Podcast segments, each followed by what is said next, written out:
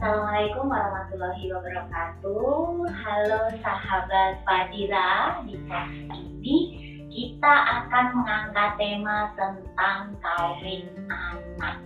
Isu kawin anak ini bukan isu yang baru ya, isu lama tapi masih ada di dunia modern. Bahkan menurut data satu dari sembilan perempuan di Indonesia ini menikah di usia di bawah 18 tahun. Tentu alasannya juga berbeda-beda ya. Ada yang karena situasi dan kondisi, ada yang karena dorongan orang tua, bahkan keinginan dari anak itu. Nah, di sesi ini kita akan banyak berbincang tentang kawin anak. Tujuannya untuk memberikan wawasan agar di Indonesia ini jumlah kawin anak itu menurun. Jadi kawin anak ini kita angkat untuk menghentikan perkawinan anak di Indonesia. Setuju. Mencegah lagi ya. Say no to kawin anak. Say no to kawin anak bang. Iya. Oke, di tema kawin anak ini silahkan pada Bunda Musda Mulia untuk berikan mungkin statement awal begitu tentang fenomena kawin anak yang ada di Indonesia. Selama ini kan orang tua ya udah deh karena kondisi ekonomi begitu ya sehingga mereka harus Jadi kawin anak itu sih, jadi kawin anak itu adalah fenomena yang berkembang di negara-negara yang miskin, negara-negara yang tingkat literasinya rendah, negara-negara yang pengetahuannya juga masih rendah gitu karena itu kita harus bangkit ya bagaimana menyelesaikan atau me, meng- apa, mengatakan tidak tidak kepada say no to kawin anak Jadi itu bukan hanya terjadi di Indonesia. bukan jadi itu terjadi di Kamboja dulu tapi sekarang Kamboja sudah lebih memba- membaik di Afrika ya di negara-negara miskin miskin begitu ya. Karena kadang-kadang anak itu dijadikan barter. Karena sebagian orang tuh juga menganggap anak itu sebagai investasi. Jadi kalau dia ngutang ya anaknya sebagai, sebagai tempat untuk bayar utang gitu Oh. atau anaknya dipekerjakan di mana begitu kan itu kan tidak manusiawi karena itu seluruh dunia ya seluruh dunia melalui forum uh, bangsa-bangsa PBB itu mengecam mengecam semua tindakan kawin anak untuk alasan apa pun. Apa pun. Tapi ini ada juga pemahaman bahwa eh, di sebagian ya nggak semuanya itu kawin anak itu ya karena dia ibadah. Maksudnya Nah, maksudnya bukannya, bukannya mendidik anak menjadi orang yang lebih berguna, lebih baik. Ya, itu ibadah di situ Senyum ibadah Pak Lukman. Kawin anak lagi. kok kok Mbak Dwi marah sama saya gitu. Saya itu cuma ini saya, yang pernah saya dengar. Jadi misalnya itu tadi anak ini sebagai tanggung jawab terhadap orang tua dia nurut akhirnya kan eh, untuk hal semacam itu. Oh, Sebenarnya anaknya menganggap itu ibadah, Ah. karena menuruti perintah orang ya itu itu juga sudah pasti itu karena pemahaman yang dikasih oleh orang tua atau oleh lingkungannya gitu kan itu sebagai eh, langkah ibadah membantu orang tua karena orang tuanya ada tanggungan segala macam itu sehingga itu menjadi kesadaran kesadaran palsu menurut ya Ya mungkin ya. betul. Jadi kita harus me- menyadarkan para orang tua nggak boleh ada perkawinan anak.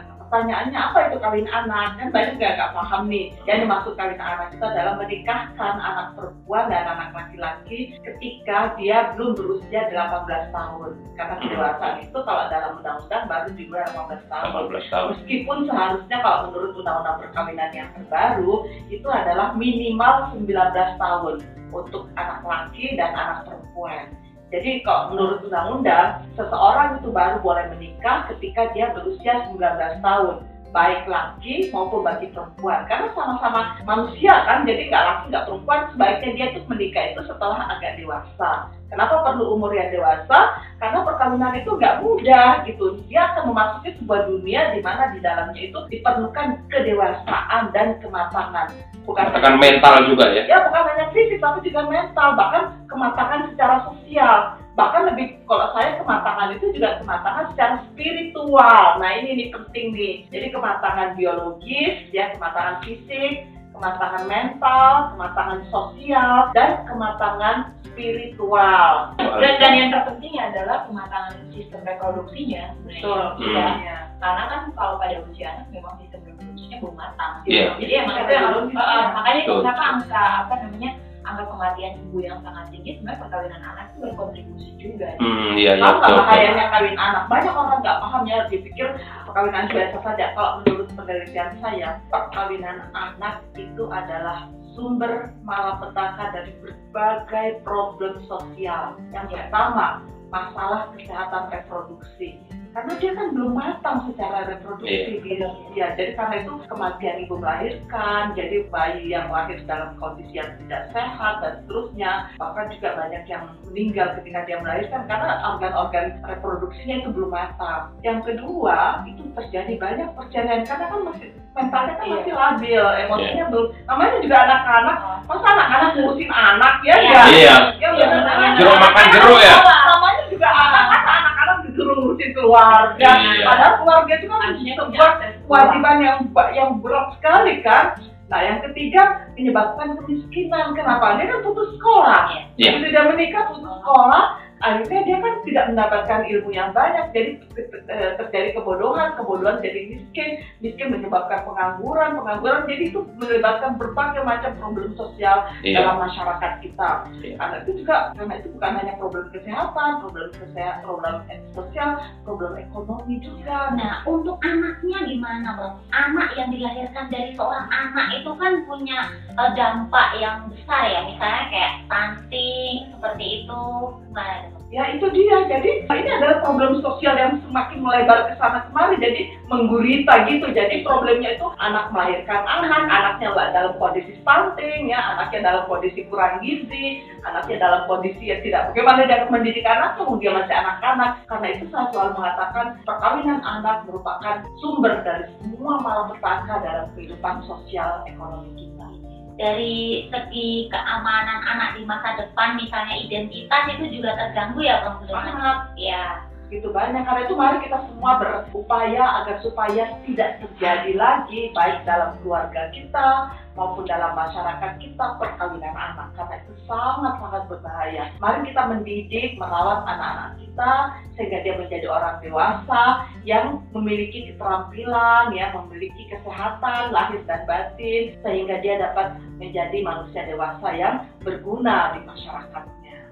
Kan di masyarakat tuh sering ditanya kapan sih kawin? Kapan sih kawin? Kalau udah usia 21 tuh kayaknya udah kayak bukan usia aman untuk pulang kampung saat lebaran gitu loh bro karena ditanyain kawin terus kapan kawin gitu kan. Padahal itu tuh sebenarnya ini loh Mbak Dwi itu pernikahan itu sesuatu yang opsional. Ini beda konteks lagi loh kan Prof. Iya, iya, beda, betul. Beda pun jadi Tadi tadi Mbak Dwi menyebutkan ada 38 juta perempuan dan 11 juta laki-laki di Indonesia nikah di bawah 17 tahun. Iya, Banyak juga ya? Banyak, karena masyarakat kita ada beberapa faktor sebetulnya. Yang pertama, yaitu tadi budaya patriarkal. Hmm. Nah, budaya patriarkal atau budaya patriarki itu adalah budaya memandang semua orang harus kawin.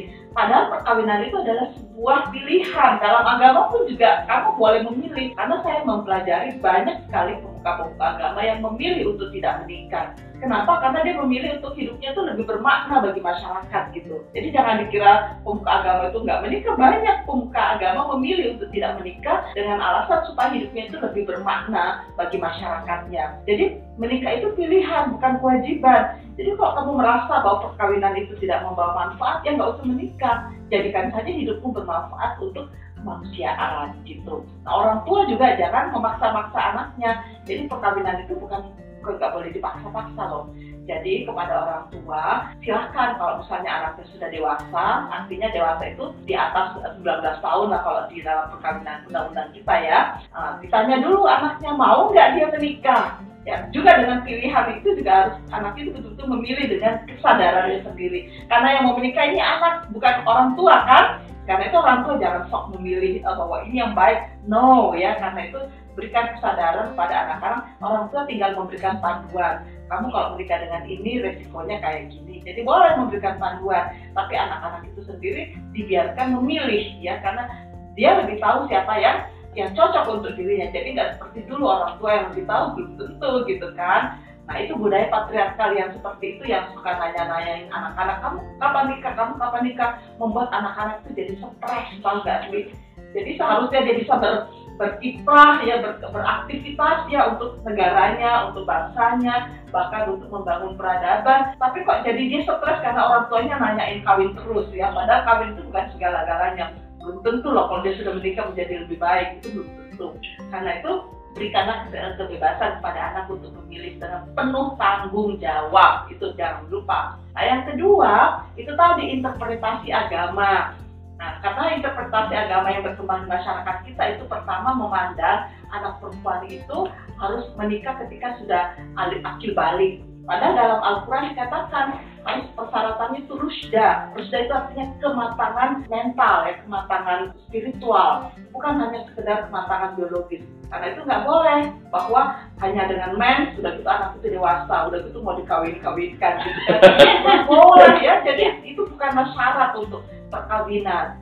Nah, yang ketiga itu adalah faktor kemiskinan. Banyak per- apa orang tua mengawinkan anaknya itu karena untuk bayar utang, untuk membantu eh, apa menghidupi keluarga. Tuh anak itu amanah loh dari Tuhan, jangan dibebankan kepada anak urusan orang tua.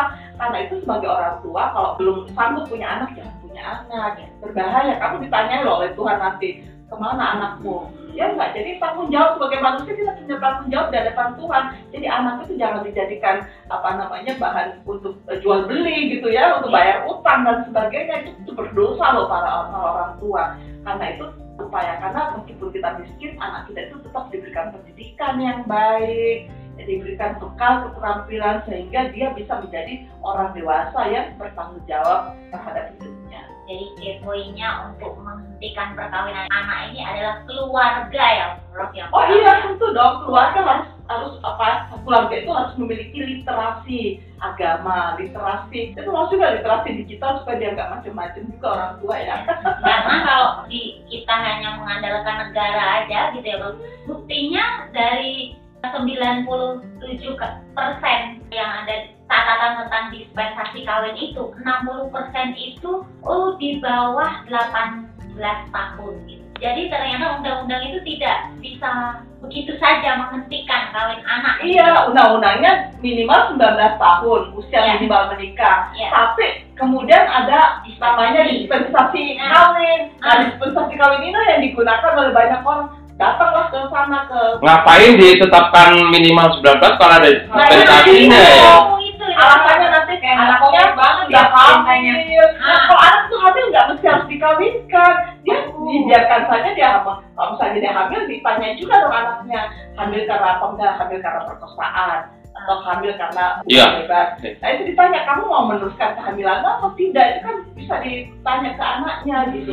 Bukan berarti kita itu pro aborsi bukan, tetapi untuk kebaikan bersama. Jadi nggak mesti bukan perkawinan bukan solusi segala-galanya karena itu nggak mesti. Jadi kalau misalnya mau menerima menerima kehamilan ya biarkan dulu dia hamil melahirkan setelah itu dia bisa kembali ke sekolah atau kembali bekerja. Jadi nggak mesti perkawinan bukan solusi. Di negara-negara luar kan kayak gitu prof. Jadi saya anaknya ini hamil yang di bawah 18 tahun itu di ini dibina tetap. Jadi dia tetap masuk mendapatkan Iya. pendidikan. Tapi kalau kita di Indonesia kan beda. Udah kena stigma kan kayak kayak gitu. Dikeluarin dari Ah, sekolah. dikeluarin dari sekolah padahal hamil itu juga sekolahnya bisa jadi sekolahnya yang salah nggak Sekolahnya nggak salah.